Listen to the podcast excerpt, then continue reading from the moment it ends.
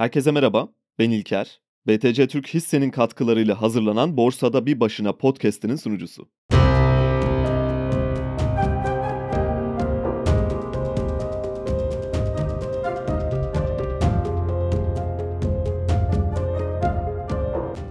Bir yılı daha geride bıraktık. Herkesin şimdiden yeni yılı, 2024 yılı, bol kazançlarla ve hedeflenen noktalara ulaşılan bir yıl olması dileğiyle. Sizi bilmiyorum ama benim için zaman çok hızlı geçiyor. Geçtiğimiz yıl yine aynı bu tarihlerde. Yine aynı başlıkla yaptığım bölüm daha dün gibi sanki. 2022 kapatırken eğer dinlemeyenler varsa bu bölümün çok benzerini orada da yapmıştık. Ve hemen hemen belki aynı konulardan bahsetmiş olacağım bugün. Benzer başlıkları konuşacağımız finansal bağımsızlık üzerine bir bölüm olacak yani. Ayrıca bugün için yine bir tarih belirtmek gerekirse bu bölümün ilk yayınlandığı tarih 29 Aralık 2023. Ben istifa edeli tam olarak 2 yıl oldu. Zaman gerçekten hızlı geçiyor. Tam yıl başından hemen önce istifamı vermiştim ve 2021 yılına bir işsiz olarak başlamıştım. Çalışmakla ilgili bir kaygım da yoktu ama elbette şüphelerim vardı. Acaba her şey yolunda gidecek mi? Ya yatırımlarımla ilgili çok büyük problemler çıkarsa ve piyasalar bir anda beklenmedik şekilde çöküş yaşarsa, benim hesapladığım finansal bağımsızlık portföyünde %4 kuralı yerine %3 üzerinden bir hesap yapmış olsam da ya bu güvenlik marjı da yok olursa? O zaman ne olacak diye düşündüğümü çok net hatırlıyorum.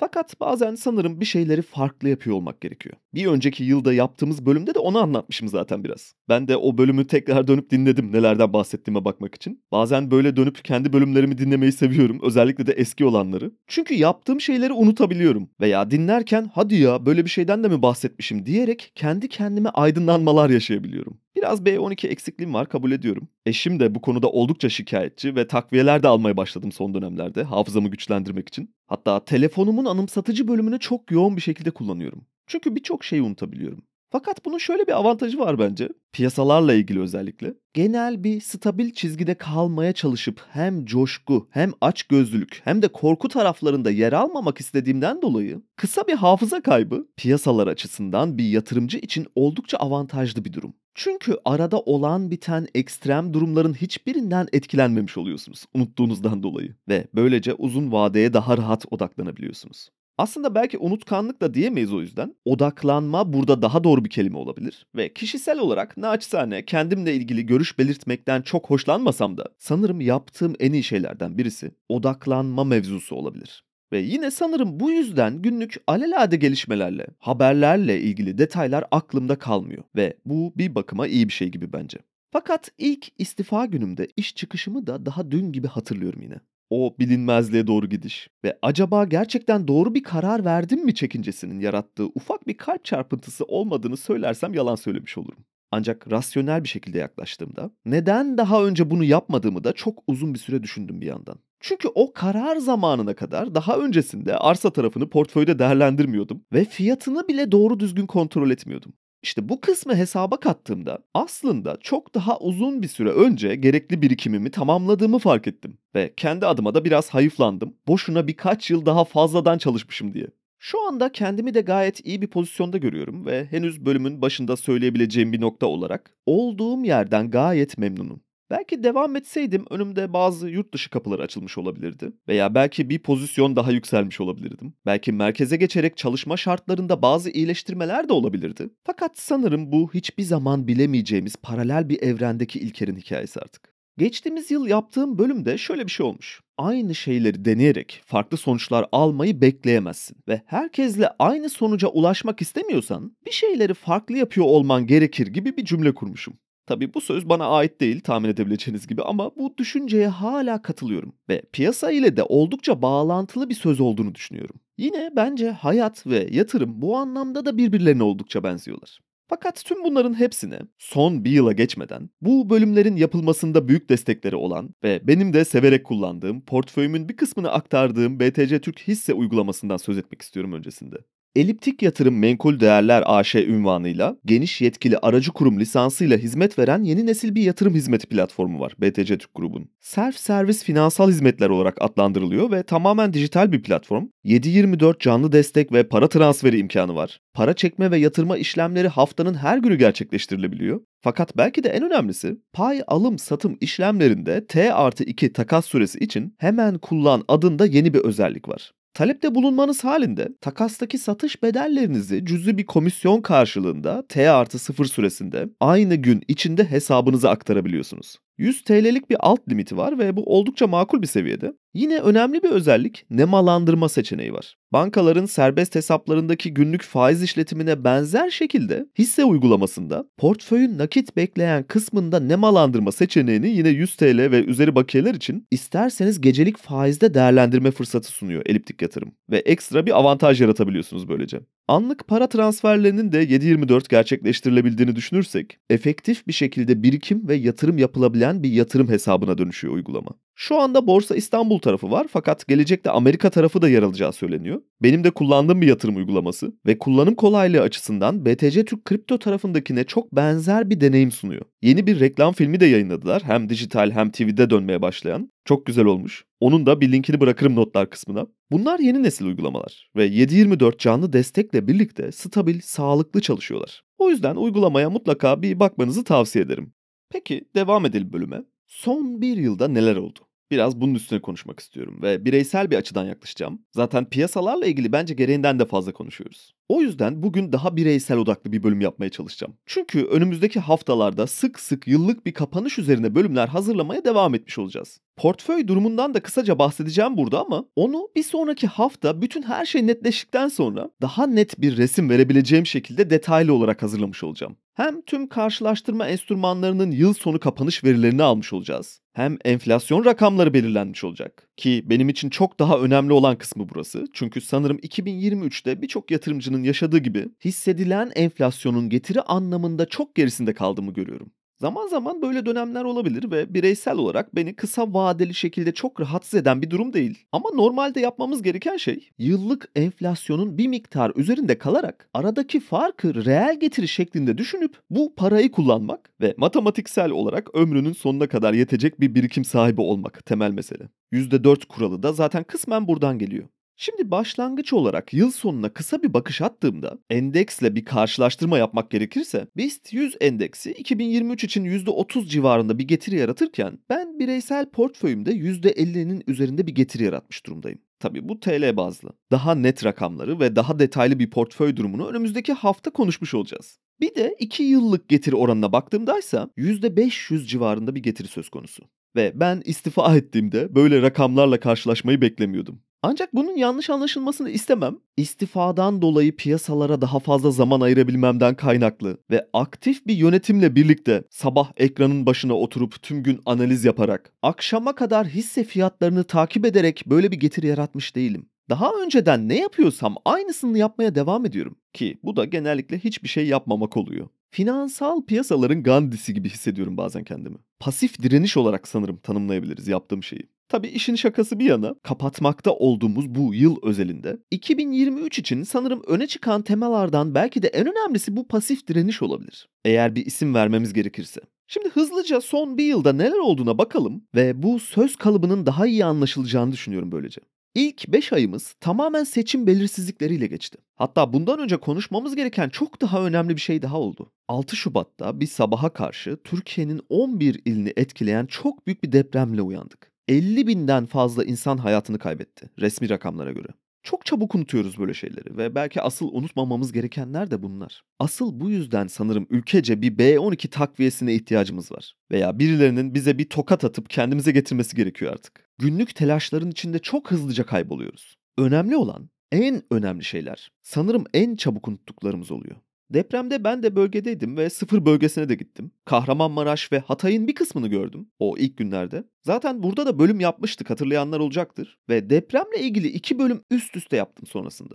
Bu olayı çok fazla da konuşmak istemiyorum zaten. O duyguları tekrardan hatırlamak da istemiyorum. Ama şu konuda tekrardan kendimden emin oldum. Ben artık bundan sonra yüksek ihtimalle çok yüksek katlı binalarda pek bulunamayacağım. Bazen düşünüyorum ileride diyelim ki böyle bir şey olacağından değil ama bir plaza çalışanı olsam herhangi bir gökdelenin çok yüksek bir katında işe gitmem gerekiyor olsa diyelim. Sanırım böyle bir şeyi yapmam mümkün değil. Bir inşaat mühendisi olarak konuşuyorum aynı zamanda. Hala zaman zaman deprem olduğunu ve sallandığımızı hissediyorum. İlk 5-6 ay rüyalarımda sürekli bununla ilgili şeyler gördüm. O depremi birçok kez tekrar yaşadım. Daha öncesinde Van depreminde de bulunmuş biri olarak burada da aynı manzaraları gördükten sonra çekirdek hale bazında istediğimiz bir hayat olarak müstakil bir ev konusunu daha öncelikli düşünmeye başladık. Yani gerçek manada bundan sonraki ömrümün sonuna kadar yüksek katlı hiçbir yerde bulunmak istemiyorum ve toprağa yakın olmak istiyorum.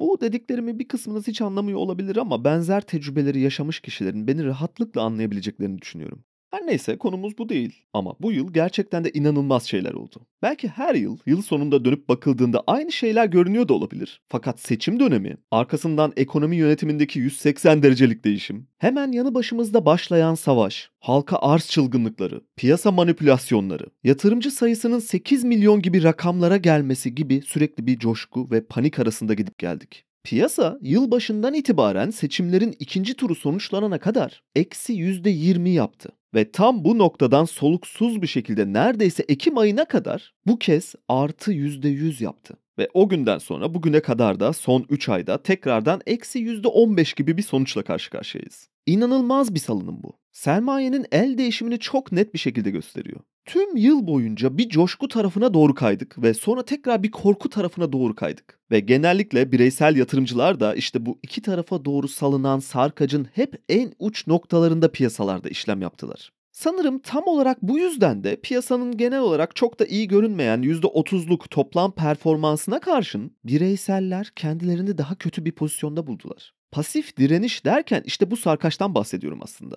Ve piyasa bizi hangi uca doğru sürüklemek isterse istesin, makul bir çizgide kalabilmek bir miktar zihinsel bir direniş gerektiriyor. Geçtiğimiz yıl podcastlere başladığımdan beri çok ilginç mailler geliyor. Bu yılda aslında geçen yılki bölümde yaptığım gibi başardınız mı diye sorulan bir soruya verdiğim cevabı aktarmak isterdim ama öyle bir mail almadım bu yıl. Çok daha ilginç şeyler geldi. O yüzden cevap mahiyetinde kullanacak bir malzemem yok elimde hazırda. Ama insanlar çok ilginç şeyler aktarıyorlar hala. Ve ben de tüm gün bunları okuyarak, fırsat bulunca da cevaplamaya çalışarak günlerimi geçiriyorum. Son bir yıl boyunca sanırım binden fazla mail cevapladım. Son zamanlarda biraz daha aksatıyorum dönüş süresini ama bu biraz benim uyuşukluğumdan kaynaklı olabilir. Aslında günlük yaptığım şeyler hala aynı ve çok büyük bir değişiklik de olmadı hayatımızda. Sabah yürüyüşlerini son dönemlerde biraz aksatıyorum. Bu da kitap okuma rakamlarımı etkilemeye başladı ve güne biraz daha geç uyanarak başlamama neden oldu. Normalde 7 gibi ayakta olup sabah yürüyüşüne çıkıp işe gidenleri izlerken artık bazen bu uyanma süresi saat 9'a kadar sarkabiliyor. Ve gün içinde de genellikle telefonum pek çalmadığından dolayı akşama kadar sessiz sakin bir ortamda oturarak kendimi dinliyorum. O günlük kendimce kurduğum iş planını uygulamaya çalışıyorum. Çok fazla okumaya özen gösteriyorum ve yine çok fazla şey dinliyor ya da izliyor oluyorum. Bunlar genellikle piyasa ile ilgili şeyler olmuyor çünkü ne yazık ki genel olarak çok kısa vadeli, belki birkaç hafta içinde bile özelliğini kaybedecek tarzda içerikler hazırlandığını görüyorum. Ben burada da yapmaya çalıştığım gibi içerikler arıyorum aslında ama böyle bir şey bulmak için maalesef yabancı kaynaklara yönelmek durumunda kalıyorum. Zaten biraz da bu yüzden bu Türkçe yayınları yapmaya çalışıyorum. Yani kısacası piyasalarla ilgili içerikler çok fazla ilgimi çekmiyor. Ve bu kaosun içinde olmamaktan da ayrıca memnunum çünkü görüşlerim etkilenebilir. Yapmak isteyeceğim veya yapacağım portföy değişimleriyle ilgili bir etki altında kalabilirim. Ki bu son isteyeceğim şeylerden birisi. Ayrıca tüm bunlarla çok fazla ilgilenmemenin de yararlı olduğunu düşünüyorum. Burada programa koyduğumuz isim gereği de ben hala borsada bir başına olmanın, kendi adına hareket etmenin ve kendi kararlarını almanın sonuçlarının çok daha iyi olacağı kanaatindeyim. Ya da en azından yapılan hatalar bireysel olacağı için bunlardan ders çıkartılması ve tekrarlanmaması, bir şeyler öğrenilmesi daha katma değerli bir kazanım olacaktır bireysel yatırımcı için. Anlattıklarım ne kadar geçiyor emin değilim ama ben de bu yayınları dinleyen sizin gibi bireysel bir yatırımcıyım. Hemen hemen hiçbir şeyle ilgili net bir fikrim yok veya özellikle ne olacağıyla ilgili hiçbir fikrim yok. Piyasalarla ilgili hiçbir tahminim yok. Bir yıl sonra ekranlarımızda nasıl getiri oranları göreceğiz inanın bilmiyorum. Veya hangi hissenin önümüzdeki dönemde portföylerde ciddi bir alfa yaratabileceğini kestiremiyorum. Ben sadece şunu yapmaya çalışıyorum.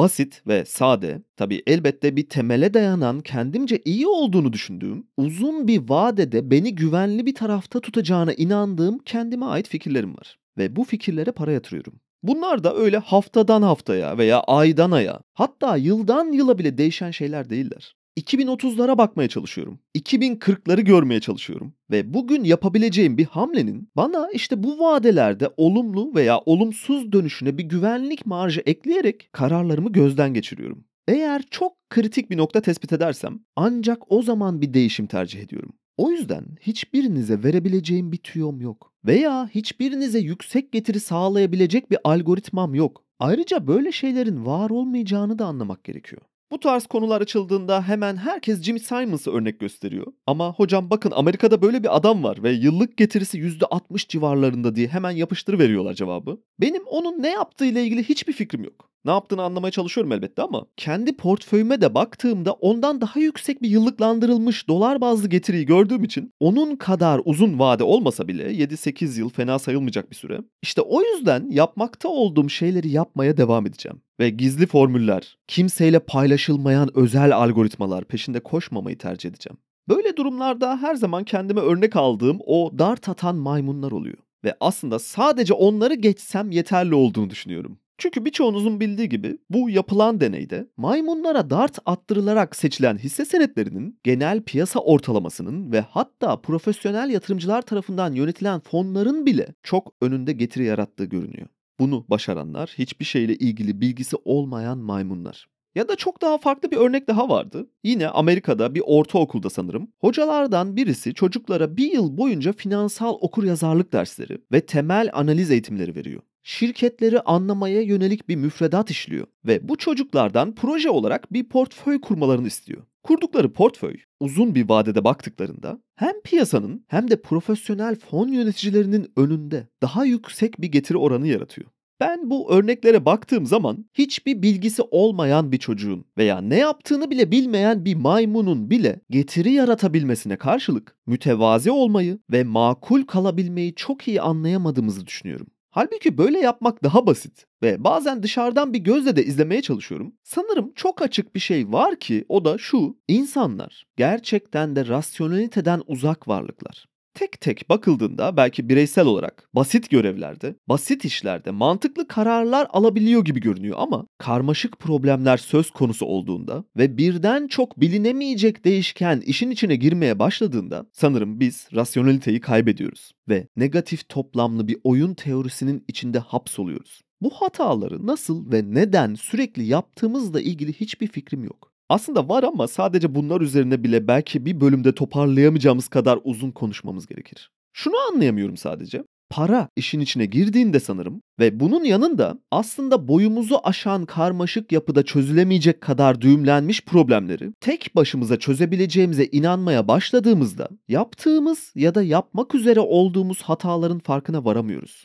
Bakın ben bu yıl sadece 2 veya belki 3 tane karar aldım doğru bir zamanda doğru bir şey yapmaya çalıştım. Çok fazla tartarak, ince eleyip sık dokuyarak çok nadir kararlar aldım. Ancak yine de buna rağmen sanırım aldığım 3 kararın ikisi veya 4 kararın ikisi kısa vadede getiri anlamında benim portföyümü zarara soktu. Bu arada hayır Alerko'dan bahsetmiyorum. Eğer Hektaş'ta kalmış olsaydım sanırım çok daha büyük bir zarar yazmış olacaktım. Ve önümüzdeki hafta portföy bölümünde bunların daha fazla detaylarına gireceğiz ama sadece şunu söylemeye çalışıyorum. Eğer ben bir aptal değilsem bu kadar az karar verirken bile 3'te 2 ya da en iyi ihtimalle 4'te 2 oranda hatalı kararlar alıp portföyün getirisine zarar verici hamleler yapıyorsam bu hamleleri daha sık yaptığımı düşünürsek 4 yerine yılda belki 40 tane karar aldığımı hesaba katarsak sayılar büyüdükçe olası zarar miktarı da büyüyecektir. İşte burası bence çok önemli. İnsanlar tam tersinin gerçekleşeceğini sanıyorlar. Daha fazla karar aldıkça bunlardan bazılarının çok iyi sonuçlarının portföye olumlu katkısı olacağını düşünüyorlar. Ancak işte bunun farkına varmak bence burası çok önemli.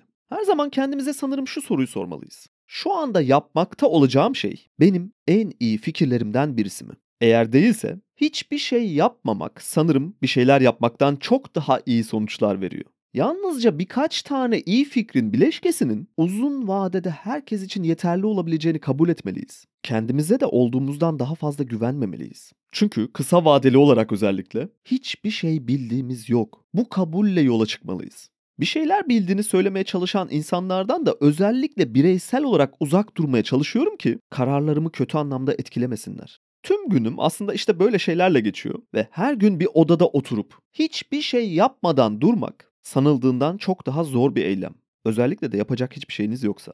Belki de o yüzden bu podcast programlarına aşırı sarmış durumdayım. Çünkü benim için büyük bir zaman öldürücü. Bölümden önce bir bakmak istedim. Bu bölümle birlikte Hodul günlükleri serisini de sayınca toplamda 64 bölüm yapmışım 2023 yılı içinde. Hepsi içinde ayrı bir araştırma konusu, ayrı bir içerik ve birbirinden tamamen farklı şeyler yapmışım. Benzer fikirleri söylese de. Deprem süresinde de bir aylık bir ara verdik ve sonrasında burada sezon finali yaptığımızda yine bir ay ara oldu. Yani aslında 10 ay içinde aylık ortalama 6 bölümden fazla şey hazırlamışım ve buna bakınca kendimi hiç bu kadar üretken ve mutlu hissettiğim başka bir dönem olmamıştı. Ve yine çok niş bir alanda bir şeyler yapıyor olsam da tekrardan ilginiz ve güzel yorumlarınız için de ayrıca çok teşekkür ederim. Kayıt kalitesi ve genel bir kalite standardı açısından da belirli bir standarda oturduğumuzu düşünüyorum. Ama şunu da eklemem gerekiyor. Ömrümün sonuna kadar burada podcast hazırlayacağımı söylemek çok zor. Her şeyin mutlaka bir sonu var. Ve bazı şeylerin güzel bir noktada bitmesi bence çok anlamlı. Tabii şu anda bitecek anlamına gelmiyor ama daha önce de yaptığım bir uyarıydı. Eğer bir gün habersiz bir şekilde bu hafta bölüm gelmeyecek diye haber vermeden yeni bir bölüm gelmezse program bitmiş demektir. Yapmak istediğim çok fazla şey var daha hayatta. Ve bunlar için fırsatım olması, herhangi bir finansal karar alacağımda tabii ki makul ölçülerde olmak kaydıyla, bundan sonrasında pek düşünmek zorunda olmamak, bence finansal bağımsızlığın ana tanımlarından birisi. Ve olduğum yerden dolayı da çok mutluyum. Ama anlamlı bir şeyler de yapmak gerekiyor.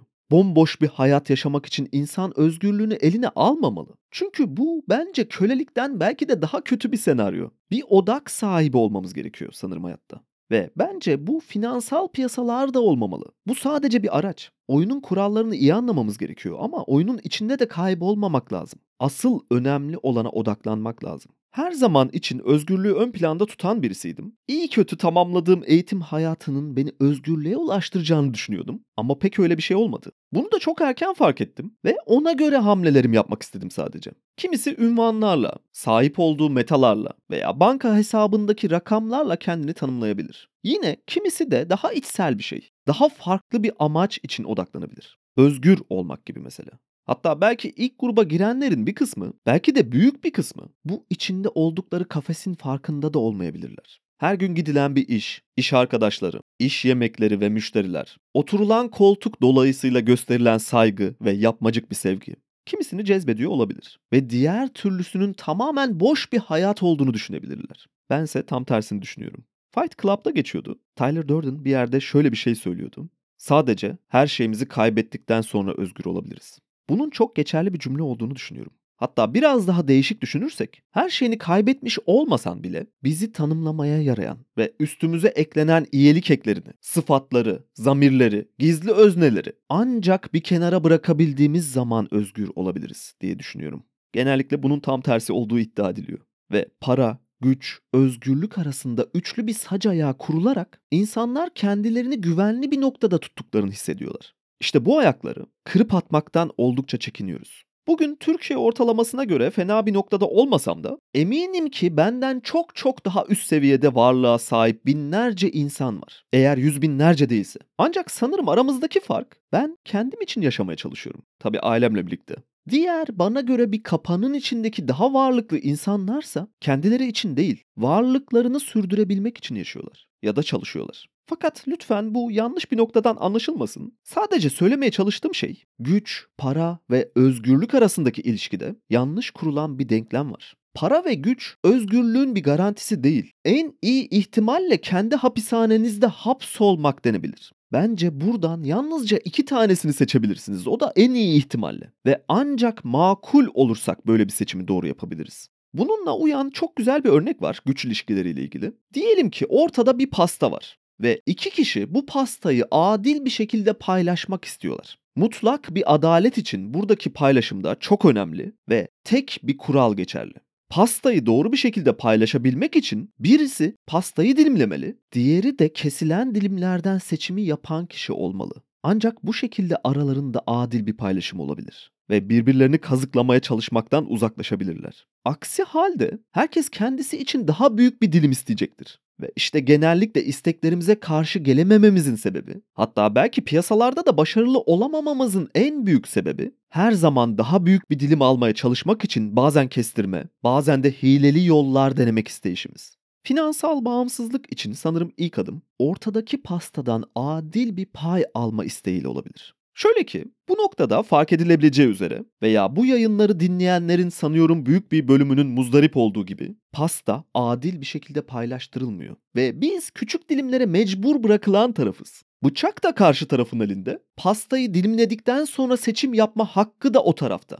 Biz bize verilenle yetinmeyi öğrenmeye çalışıyoruz. Öğrenilmiş bir çaresizlik bu. Ya da isyan edip oyunu bu adil olmayan kurallara göre oynamak üzere değişiyoruz. Bir oyunun içinde eğer kötü bir oyuncu varsa, daha da doğrusu kelime olarak kötü yanlış bir tercih burada. İyi niyetli olmayan bir oyuncu varsa diyelim, bütün oyunun kuralları onun yaptıklarına göre şekillenecektir. Ve buradaki kirlilik, bu oyundaki kötü niyet virüsü tüm katılımcılara yayılmak zorunda kalacaktır. Çünkü yoksa oyunu mutlak bir şekilde kaybedeceksiniz. İşte negatif toplamlı oyun bu. Sanırım bizimle ilgili en büyük problem de bu zaten. Ve insanlar işte böyle bir şeyin farkına vardıkları noktada kuralları kendi lehine eğip bükebilmek için hile yapmaya başlıyorlar. Ve pastadaki dilimlerini büyütmek için çabalıyorlar. Asgari ücrete bakalım örneğin. Bana kalırsa birçok şeyi anlatan çok önemli bir metrik Türkiye şartlarında. Çünkü hemen herkesin gelirleri, eğer bir beyaz yakalı çalışansanız veya orta sınıf vatandaşsanız bu metrik etrafında şekilleniyor.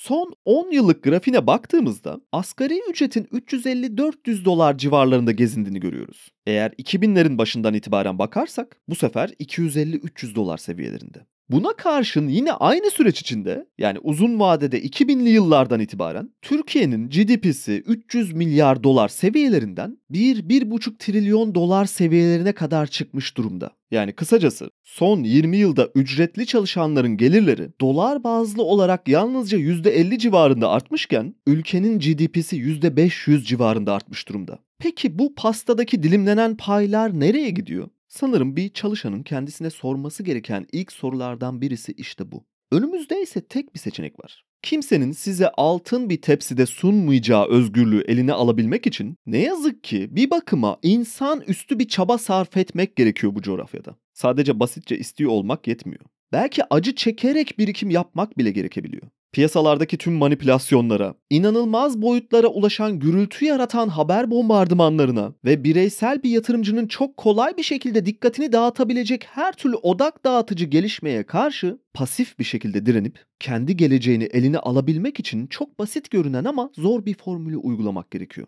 Bunun da başlangıcı kazandığından daha azını harcamayı öğrenip gelirlerinin bir bölümünü mutlak suretle yatırıma yönlendirmekten geçiyor. Benim nacizane önerim hiç kimse için geç değil. Ama eğer bunu kendiniz için başaramadığınızı ve artık vaktin geçtiğini düşünüyorsanız en azından çocuklarınız için bunu yapın. Çünkü çok sıklıkla karşılaşıyorum. Mail üzerinden ulaşanların bir bölümü de benim yaşımda olanlar veya benden çok daha büyük 45-50'li yaşlarına gelmiş insanlardan da dönüş oluyor ve birçok şey için geç olduğunu düşünebiliyorlar. Bana kalırsa bu pek doğru değil ama yine de öyle olduğunu kabul etsek bile hemen istediğin bir anda ulaşabileceğin bir birikimin olması özellikle de bunun likit piyasalarda örneğin T artı 2 süresinde gerçi BTC Türk bununla ilgili de bence çok güzel bir özellik getirdi piyasalara ama diyelim ki yine de T artı 2'yi bekliyorsun. Bugün Türkiye'de 2 gün içinde çok ciddi bir likidite sağlayabilecek insan sayısı çok çok küçük bir azınlıkta. Ve böyle bir güce sahip olabilmek bence ünvanların iş hayatında borçlu ama statülü pozisyonların sağladığından çok daha büyük bir güvence sağlayabilir. Önemli olan inanılmaz getiriler peşinde koşmak değil bence o yüzden. Elbette kendimizi piyasayla kıyaslamalıyız ki önümüzdeki hafta tam da bunu yapacağım ama burada daha önemli olan şey bir finansal bağımsızlık noktasına insanı ulaştıracak birikim mantığına girmek. Ve eğer o nokta çok uzak görünüyor olsa bile en kötü ihtimalle yolda çok fazla fikir değiştirmeden bir noktada kendini finansal anlamda belirli bir güvenlik içine almış olduğunu hissetmek. Bir tuşa basarak hiçbir kredi veya borçlanma aracı kullanmadan ihtiyacın olabilecek, yaşam standartlarını yükseltecek harcamaları karşılayabiliyor olmak bence bir şeylere boyun eğmemenin ve gerektiği zaman gerektiği şekilde hayır diyebilmenin kilit noktası. Benim için bu iki yıl o veya bu şekilde geride kaldı. Geriye dönüp baktığımda inanılmaz yüksek getiriler bekleyerek bir adım atmadığımı söyleyebilirim. Ve sadece piyasalarla eşdeğer, mantıklı ve rasyonel sonuçlar almaya gayret ettim. Çünkü diğer yolların hiçbirisinin çalışmadığını fazlasıyla gördüm. İnceledim, okudum. Başkalarının tecrübelerinden dersler çıkarmaya çalıştım. Piyasalarda bir tane doğru olmasa bile uzak durmamız gereken yalnızca sınırlı sayıda kritik hata var aslında. Ancak eğer dikkatli davranırsak bu tuzaklardan uzaklaşabiliyoruz. Ve kalabalıkların açgözlülüğü ya da bazen korkusu içinde kendi yolumuzu bulabiliyoruz. O yüzden pasif bir direniş diyorum, finansal bağımsızlık. Ve fakat buradaki probleme karşı aktif adımlar atarak bir pasiflikten söz etmeliyiz belki de. Çünkü birçoğunuzun belki bildiği gibi Bedri Rahmi Eyüboğlu 3 dil şiirinde şöyle diyordu. En azından 3 dil bileceksin. En azından 3 dilde ana avrat dümdüz gideceksin. En azından 3 dil. Çünkü sen ne tarih, ne coğrafya, ne şu, ne busun. Oğlum Mernuş, sen otobüsü kaçırmış bir milletin çocuğusun. Bu haftalık benden bu kadar. BTC Türk hissenin katkılarıyla hazırlanan bu bölümün sonuna geldik. Umarım keyif almışsınızdır. Uygulamayı indirerek yeni nesil dijital yatırım deneyimini siz de deneyebilirsiniz. Ek olarak Satoshi Radio Podcast'i altında Hodul Günlükleri ismiyle iki haftada bir bölümler yapıyoruz. Daha fazla içerik görmek isteyenler oraya da göz atabilir. Ayrıca açıklamalar kısmında yer alan mail veya Twitter hesabım üzerinden soru ve görüşlerinizi iletebilirsiniz. Bir sonraki bölümde görüşmek üzere.